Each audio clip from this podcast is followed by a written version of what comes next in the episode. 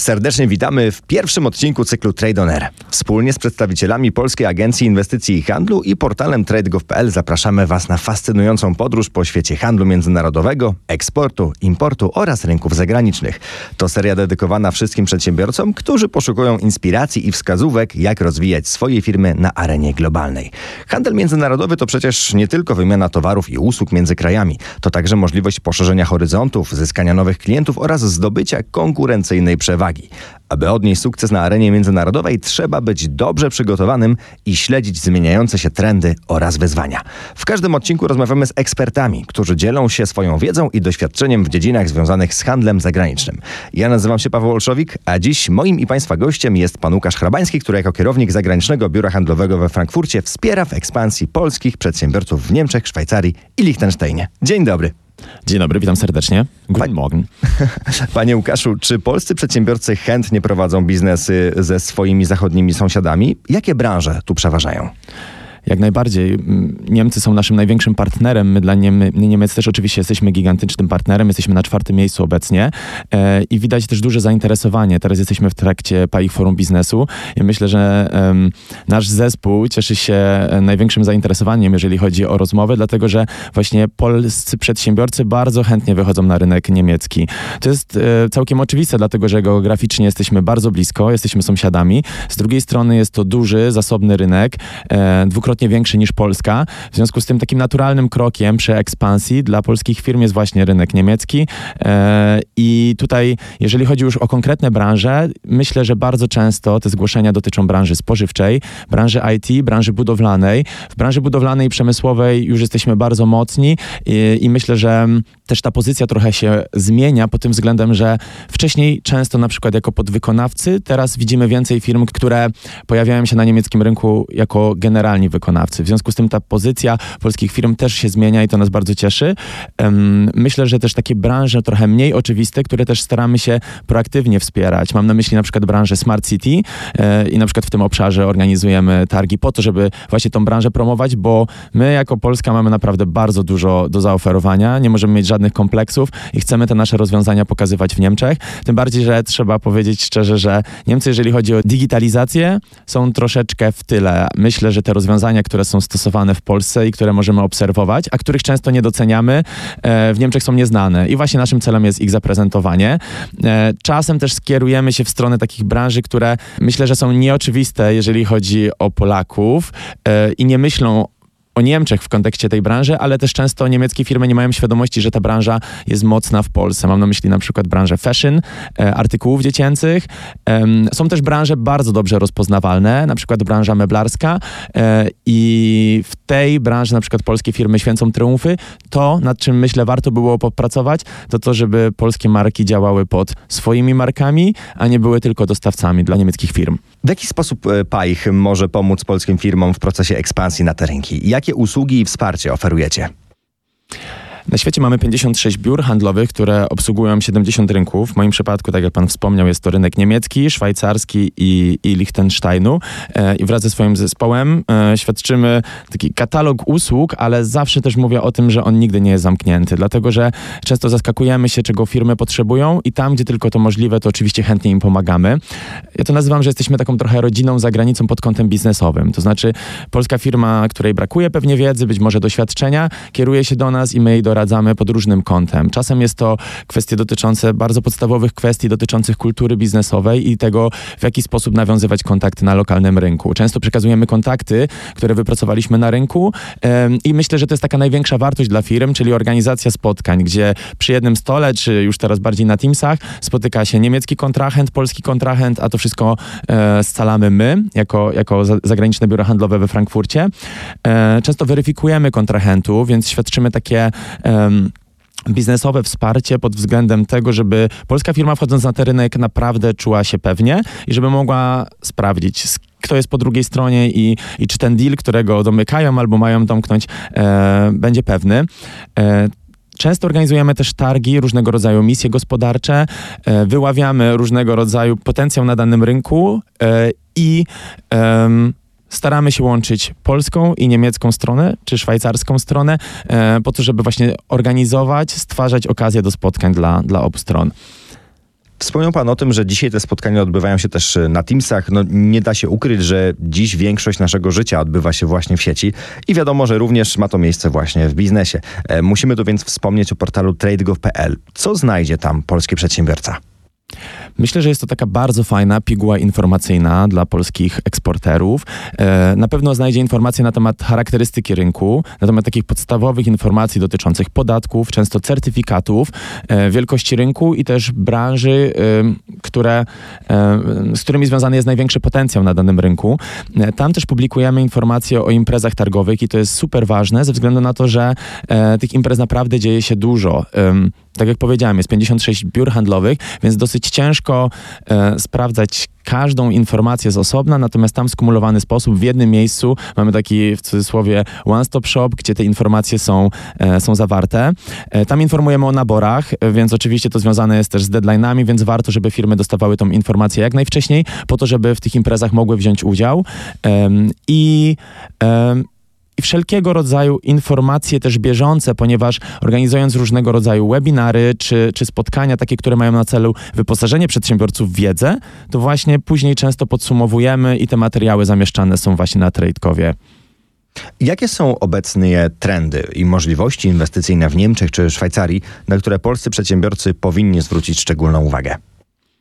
E, powiem o kilku takich słowach kluczach, które są, są bardzo istotne. W Niemczech bardzo dużo się mówi teraz o e, brakach kadrowych i to dotyczy naprawdę wielu branży. Tu mam na myśli branżę IT, gdzie ekspertów brakuje już bardzo dużo. Ostatnia dana, którą posiadam, to jest 137 tysięcy, a myślę, że ona się zmienia i zaktualizowana będzie już naprawdę większa. E, I tak samo dotyczy to rynku szwajcarskiego. Myślę, że branża budowlana też, e, ze względu na to, że dużo budynków powinno podlegać rewitalizacji, a w Niemczech brakuje około miliona mieszkań. W związku z tym też różnego rodzaju programy powstają, które mają na celu przyspieszanie tego procesu. Na przykład, e, nawet jeszcze dzisiaj rano czytałem informację o tym, że, że buduje się takie mieszkania z wieszaka, to znaczy takie, które w jak najszybszym czasie są w stanie właśnie zagospodarować tą lukę. W związku z tym jakby branża budowlana to na pewno i wszelkiego rodzaju stolarka otworowa związana oczywiście e, też z branżą budowlaną. Takim słowem klucz, którym się posługujemy w Niemczech i, i który obserwujemy, to jest Nachhaltigkeit, to jest zrównoważony rozwój i to dotyczy naprawdę wielu branży. Jeżeli mówimy o branży spożywczej, mówimy zrównoważony rozwój, czyli produkty bio, ekologiczne, tak samo kosmetyki, tak samo na przykład branża właśnie fashion, o której wspomniałem. To, co istotne, to nie dotyczy tylko samych produktów, ale też opakowań. W związku z tym Niemcy bardzo proekologicznie, a myślę, że Szwajcarzy jeszcze bardziej podchodzą właśnie, właśnie do, do wyboru produktów i, i porównywania e, konkurencyjnych rozwiązań. Myślę, że takim bardzo ciekawym e, potencjałem dla polskich firm są zamówienia publiczne.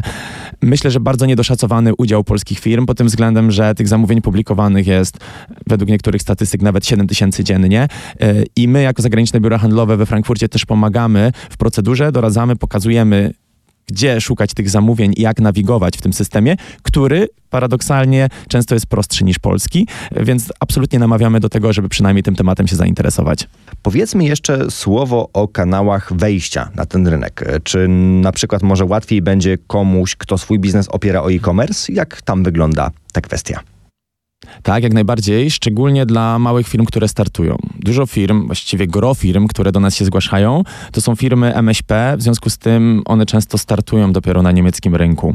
E, a sprzedając myślę, że dosyć trudno wejść od razu do, do sieci. Zresztą są też duże bariery wejścia pod względem kosztowym. W związku z tym takim dobrym momentem na start jest właśnie e-commerce i do tego też namawiamy i tutaj współpracujemy też z kilkoma czy z kilkunastoma platformami online, do których zachęcamy firmy to ma oczywiście dwie zalety. Po pierwsze, budujemy naszą widoczność na danym rynku, ponieważ nasz produkt już rotuje, a z drugiej strony też oczywiście zwiększamy naszą sprzedaż, więc taki główny cel biznesowy też jest spełniony.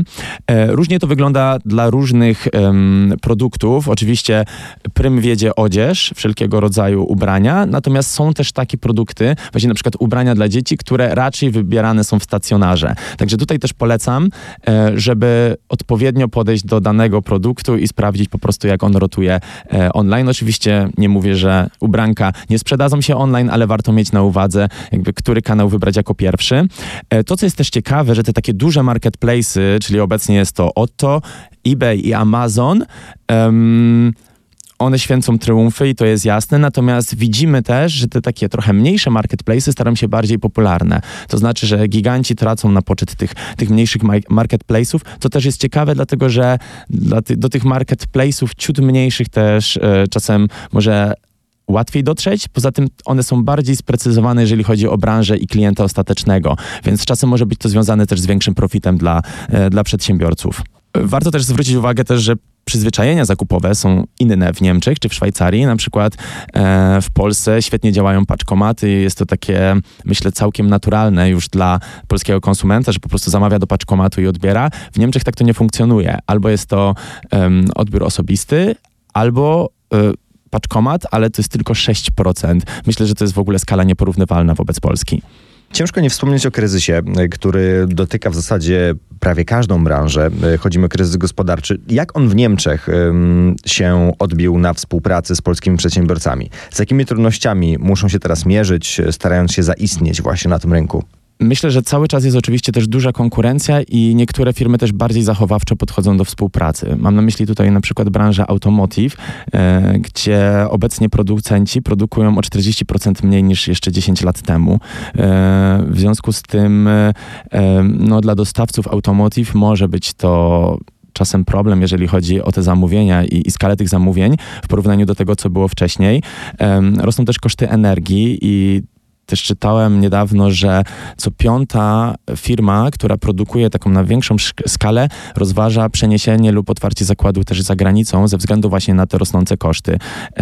Niemcy też wycofują się z tych takich mm, dotychczasowych źródeł energii, a jednocześnie te mm, źródła odnawialne e, które są planowane, rozwijają się w wolniejszy sposób niż, e, niż to powinno się odbywać. W związku z tym koniec końców musi się to przerzucić na, na koszty energii, a czego można się spodziewać, że po prostu firmy będą obniżać koszty i szukać alternatyw. Prawo, zwłaszcza to podatkowe w naszym kraju, bywa dość zawiłe i często możemy wpaść na jakąś minę, czego oczywiście nikomu nie życzę, ale zakładam, że w Niemczech jest to bardziej uporządkowane. Mam rację? Jakie są takie najważniejsze różnice w regulacjach i prawie biznesowym między Polską a Niemcami właśnie, które trzeba uwzględnić w strategii ekspansji? Na pewno bardzo wygodne w przypadku Niemiec jest to, że jesteśmy w Unii Europejskiej, więc większość zasad, którymi się kierujemy, jest analogiczna. Nie mówię, że jest to copy-paste tego, co robimy w Polsce, natomiast bardzo często możemy tak przyjąć. Natomiast trzeba zwrócić uwagę też, że są przepisy, które są zupełnie różne i na przykład dla takich małych, średnich firm um, one są istotne tak naprawdę od dnia zero, w którym sprzedajemy. Podam tutaj przykłady dwóch takich regulacji, myślę dosyć ważnych dla, dla polskich przedsiębiorców, które nie istnieją u nas i których świadomi nie są bardzo często polscy eksporterzy. To jest ustawa Verpackungsgesetz i ona dotyczy rejestracji opakowań. To znaczy w momencie, w którym wysyłamy nasze produkty, trafiają do klienta końcowego, takie opakowania muszą być zarejestrowane e, i musimy za nie uiścić opłatę. Teraz też następują kolejne zmiany, więc nawet jeżeli to są opakowania tylko wysyłkowe, one muszą być zarejestrowane. To dosyć istotne, więc bardzo chciałbym to podkreślić. Natomiast dla producentów już poszczególnych, takich bardziej skonkretyzowanych produktów, na przykład napojów, jest to system kaucyjny. To nie działa w Polsce, chociaż z tego co wiem, um, ma zacząć funkcjonować w Polsce. Natomiast w Niemczech już od jakiegoś czasu system kaucyjny działa i butelki wprowadzane na dany rynek, zależnie od pojemności i zawartości, też muszą być rejestrowane w systemie DPG. W związku z tym należy o tych przynajmniej dwóch rzeczach pamiętać. Oczywiście tych regulacji jest więcej i one są zależne od poszczególnych branży, poszczególnych produkt, produktów. Zatem zachęcamy też do kontaktu z nami, ponieważ będziemy w stanie też doradzić, jak to wygląda um, w kontekście poszczególnych produktów. E, no i też powiedziałem bardziej o produktach, ale też oczywiście mamy usługi. Kwestia płac. To znaczy, oczywiście musimy też dostosować stawki do tych, które obowiązują w Niemczech, więc to też jest bardzo duży temat, zarówno zresztą w Niemczech, jak i w Szwajcarii. Jak to wygląda w Szwajcarii pod kątem tych y, różnic prawno-podatkowych? Szwajcaria to też się czasem wydaje po prostu taka bardzo mocno terra incognita dla, dla eksporterów i czasem wolą, z tego co widzę i tak słyszę w rozmowach, nawet zrezygnować z tego eksportu do Szwajcarii, niż wejść w te meandry i, i nawet próbować to czasem zrozumieć. E, jest taka główna zasada Casside Dijon i ona mówi, że legalnie wyprodukowane e, produkty w Unii Europejskiej mogą być wprowadzane na rynek szwajcarski. W związku z tym ta swoboda faktycznie jest, natomiast są pewnego rodzaju e, obostrzenia i tutaj musimy zasięgnąć języka w różnego rodzaju bazach, które są dostępne w Szwajcarii. Na przykład jest też taka negatywna lista SECO, gdzie możemy sprawdzić, czy nasze produkty możemy wieść i czy nie. Istnieją też kontyngenty na różnego rodzaju produkty, więc to nie jest też tak, że my nie możemy wozić. My po prostu musimy sprawdzić, w jakich ilościach jest to dozwolone. E, I jest też taka platforma, to może nie będę komplikował i, i, odsyłał już do konkretnych, ale myślę, że ona jest najważniejsza, to znaczy TARES. To jest platforma, na której sprawdzimy, czy my musimy płacić cło, czy wystarczy VAT. właśnie to nie jest też tak, jak myślą często polscy przedsiębiorcy, że my zawsze płacimy cło, przewożąc nasze produkty e, do Szwajcarii. Czasem jest to po prostu VAT, tylko warto to sprawdzić, jak to wygląda dla naszych, e, dla naszych produktów. Wracając e, tematycznie do Niemiec, wydawać by się mogło, że kulturowo ten naród jest zbliżony do naszego, ale podobno na stopie biznesowej jest kilka różnic. Mógłby pan nam o tym troszkę opowiedzieć? Tak, czasem są to takie duże różnice, a czasem po prostu takie kosmetyczne, natomiast o wszystkich trzeba pamiętać. Wychodzę z założenia, że te różnice nie są żadnym problemem, tylko brak ich świadomości może być, e, bo wtedy czasem może nawet przyczynić się do tego, że te kontakty zaskutkują tym, że nawet fajnie prowadzone rozmowy w którymś momencie zostaną przerwane ze względu właśnie na, e, na ten brak świadomości, czego oczekuje druga strona. E, na pewno takim ważnym aspektem w zrozumieniu e, kontrahenta niemieckiego jest to, że jest bardzo duża świadomość brandu Made in Germany. W związku z tym musimy pamiętać, że tak naprawdę konkurujemy nie tylko z innymi krajami, które wysyłają swoją ofertę do Niemiec, ale przede wszystkim z lokalnymi firmami, ponieważ Niemcy zarówno czy to B2B, czy to B2C najchętniej wybierają produkty produkowane w Niemczech. W związku z tym na przykład wiąże się to czasem z koniecznością rebrandingu. E, mamy nasze polskie litery, w związku z tym wychodząc z naszym produktem bądźmy świadomi, że prawdopodobnie będziemy musieli z tego zrezygnować i chcąc promować naszą markę, musimy zrezygnować z ży z kropką czy z on, ze względu na to, że nie do końca przyjmie się to um, w uszach i oczach niemieckiego konsumenta, czy nawet partnera biznesowego. E, język jako e, niemiecki jako język komunikacji. Oczywiście Niemcy bardzo dobrze mówią po angielsku, natomiast czują dużo większy komfort e, rozmawiając w swoim lokalnym języku. I to widzimy dla wszystkich branży, nawet dla branży IT, gdzie tym językiem urzędowym wydawałoby się, że, że jest język, e, język angielski. Oczywiście mając do wyboru bardzo słaby niemiecki kontra bardzo dobry angielski, idziemy w bardzo dobry angielski, natomiast mając zasoby z językiem niemieckim, warto z nich korzystać i to stawia nas też kilka kroków do przodu wobec konkurencji, która też próbuje wejść na ten rynek i, i przedstawia alternatywne e, produkty. E, z takich drobnych rzeczy myślę, że warto wspomnieć, że na przykład nie zwracamy się po imieniu, tylko po nazwisku, więc nikt nie powie Herr Łukasz, tylko Herr Hrabański, e, więc to są raczej takie drobnostki już używając języka e, niemieckiego, natomiast to też o tym warto pamiętać, ponieważ gdyby ktoś do mnie powiedział Panie Hrabański, to czasem czułbym się wywołany do tablicy, więc pewnie w niemieckim uchu wyglądałoby to dosyć też e, dziwnie i, i nienaturalnie. E, I też kwestia podejścia do promowania produktów. E, często korzystam z tego przykładu, ale jeżeli chodzi o marketing, e, czekoladki Richer Sport um, posługują się takim claimem kwadratyż praktyż gut. I myślę, że to tak dobrze podsumowuje ten marketing, gdzie on po, po prostu pokazuje to, że produkt jest dobry jakościowo, praktyczny e, i, i myślę, że Niemcy nie do końca e, posługują się takimi komunikatami wizualnymi, emocjonalnymi, e, jaskrawymi, a bardziej takim praktycznym podejściem i pragmatyzmem. A czy mógłby Pan podzielić się przykładem sukcesu, gdzie jakaś polska firma osiągnęła znaczący sukces na rynkach, którymi się Pan opiekuje? Mhm. Myślę, że takich przykładów jest. E, bardzo dużo i może ciężko mi powiedzieć o takim jednym, żeby nie faworyzować, natomiast mogę powiedzieć, jaka była ta ścieżka e, niektórych firm. E, na przykład e, często jest to tak, że polska firma, tutaj akurat mam na myśli domy modułowe e, w Nadrenii Północnej Westfalii, współpracowała ze swoim dystrybutorem. Natomiast firma świetnie się rozwijała za granicą, nie tylko na rynku niemieckim i z czasem przejęła tego dystrybutora, też jego know-how. W związku z tym, bazując na tej współpracy z dystrybutorem, właśnie urosła i dzięki temu, dzięki dzięki temu rozwinęła się i teraz już pod swoją marką właśnie działa na rynku niemieckim. I podobnie w tym samym regionie Nadrenia Północna Westfalia było to w przypadku firmy IT. E, więc e, myślę, że takim dobrym początkiem jest współpraca, bardzo dobra współpraca albo z jakimiś osobami, które ułatwiają biznes, albo z dystrybutorami i wtedy na kanwie tego możemy e, zacząć naszą, naszą działalność. Czasem jest to też przetarg publiczny, gdzie firma zdobywszy pokaźny pokaźne zamówienie. Mam tu na myśli na przykład współpracę z Deutsche Bahn e, w przypadku jednej firmy, gdzie 5,5 milionowe zamówienie zaskutkowało tym, że firma dostawała kolejne i z czasem właśnie ze spółki ZO stała się GmbH ze względu na to, że po prostu rozwinęła się świetnie dzięki temu zamówieniu e, właśnie na rynku niemieckim. Czasem jest to online, gdzie firma po prostu zaczyna tymi małymi krokami, a później rośnie i wchodzi też do, do sieci sprzedaży. Natomiast e, myślę, że takimi dwoma radami, które, których można udzielić, to jest na pewno duża cierpliwość we współpracy i też takie partnerskie podejście. ważne jest też to, żebyśmy po prostu też myśleli o tym jako o inwestycji, że to nie jest taki quick win na zasadzie sprzedajemy, zapomnimy, tylko jeżeli już zaczynamy tą współpracę, to warto budować też struktury ku temu, czyli mieć osobę z językiem niemieckim um, poświęconą temu rynkowi, która jest w stanie w 100% się skupić e, na rozwijaniu współpracy w Niemczech.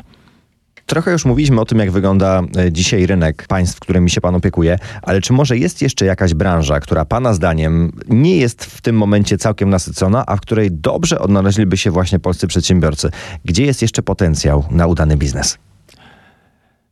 Myślę, że tak naprawdę w każdej branży drzemie potencjał, tylko należy po prostu mm, wejść w taką niszę w tej branży. Na przykład.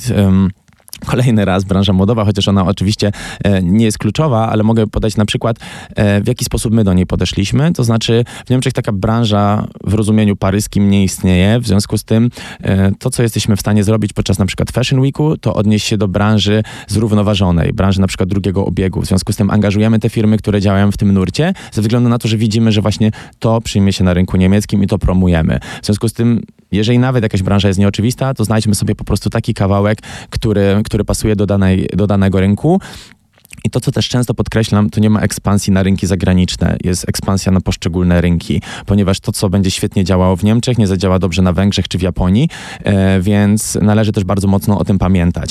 E, powiedziałem wcześniej o branży budowlanej, powiedziałem o branży IT i absolutnie potwierdzam, że to są branże, w których drzemie duży potencjał dla polskich firm e, i nie tylko jeżeli chodzi o produkty, ale też o usługi, e, dlatego, że właśnie e, tych wykonawców bardzo często brakuje, brakuje monterów, czy to też branży fotowoltaicznej, w związku z tym na to należy zwrócić uwagę. E, to, co słyszymy na przykład od dystrybutorów dla branży spożywczej, to jest to, że mm, te produkty mają największe szanse, które albo dobrze rotują w Polsce, i możemy to wykorzystać i, i, i, przenieść ten model na rynek niemiecki, albo wypełniają jakąś niszę. E, więc myślę, że, że o tym warto pamiętać wchodząc na, e, na dany rynek, to znaczy, żeby właśnie albo tą niszę wypełnić, albo bazować na naszych dobrych doświadczeniach i spróbować je przełożyć, chociaż oczywiście też dostosowując do rynku właśnie w Niemczech czy w Szwajcarii. I jakie najczęstsze obawy pojawiają się wśród firm, które chcą rozwinąć się na inne rynki? Myślę, że czasem jest to takie podejście z niższej pozycji. To znaczy mam na myśli, że taka obawa ogólnie i, i czasem nazwałbym to nawet kompleksem związany na przykład z Zachodem. Myślę, że niektóre firmy śmielej wychodzą na te rynki gdzieś bardziej południowe, natomiast nadal chyba często w przedświadczeniu widzę, że jest, że, że ten niemiecki kontrahent to jest taki bardzo trudny, wymagający i do niego trzeba bardzo mocno się dostosować. Natomiast to, co widzimy, że działa, to jest takie partnerstwo. Po niemiecku mówi się na to auf der Augenhöhe, czyli na wysokości wzroku i to jest ważne, żeby nie wychodzić z tej niższej pozycji, a jednak bardzo partnersko. E, no i to myślę, że też przezwycięża te obawy, które pierwotnie istnieją, ponieważ um, często właśnie Niemcy też bardzo mocno to doceniają i, e, i z tej współpracy rodzą się kolejne. W związku z tym warto też o tym pamiętać, że po prostu budujemy tą relację. z takich obaw, które myślę bardziej doty dotyczą rynku szwajcarskiego, to jest to, o czym też sobie powiedzieliśmy, czyli, czyli wszelkiego rodzaju regulacje prawne, coś, co jest nieznane, kwestia na przykład certyfikatów, tego cła, czy ono jest, czy jego nie ma, ale tu jak najbardziej jesteśmy też w stanie pomóc zarówno my, jak i kancelarie prawne, z którymi współpracujemy, tak żeby firma mogła się poczuć pewnie. No i tak naprawdę też naszym celem jest minimalizowanie tych obaw, czyli wyposażenie w wiedzę tak, żeby firma dużo pewniej wchodziła na dany rynek. I już na koniec, jaka jest Pańskim zdaniem taka najważniejsza porada dla polskich przedsiębiorców, którzy rozważają ekspansję na rynki, którymi się Pan zajmuje? E, myślę, że przede wszystkim bardzo dobre przygotowanie i profesjonalne przygotowanie, bazujące na liczbach, bazujące na, na naszych wynikach, e, zbadanie tego rynku, w czym też pomagamy, czyli zobaczenie tak naprawdę w cudzysłowie, z kim tańczymy na danym rynku, jaka jest konkurencja i jakie produkty dobrze rotują i czy tak naprawdę my wchodzimy w niszę, więc bez badania rynku myślę, myślę może być bardzo trudno. E, I to, co powiedziałem też na samym końcu, to trzymanie słowa i to partnerstwo. I, i podkreślę właśnie to partnerstwo na wysokości wzroku. Jeżeli temat współpracy z rynkami zagranicznymi Was zainteresował, to serdecznie zapraszamy do odsłuchania kolejnych odcinków naszego podcastu, które czekają na Was oczywiście na rmfon.pl. Sprawdźcie też portal trade.gov.pl, by być na bieżąco z branżowymi newsami. Panie Łukaszu, serdecznie dziękuję. Do usłyszenia. Dziękuję bardzo. Materiał został zrealizowany w ramach projektu Eksport, Import, Inwestycje TradeGov.pl prowadzonego przez Polską Agencję Inwestycji i Handlu.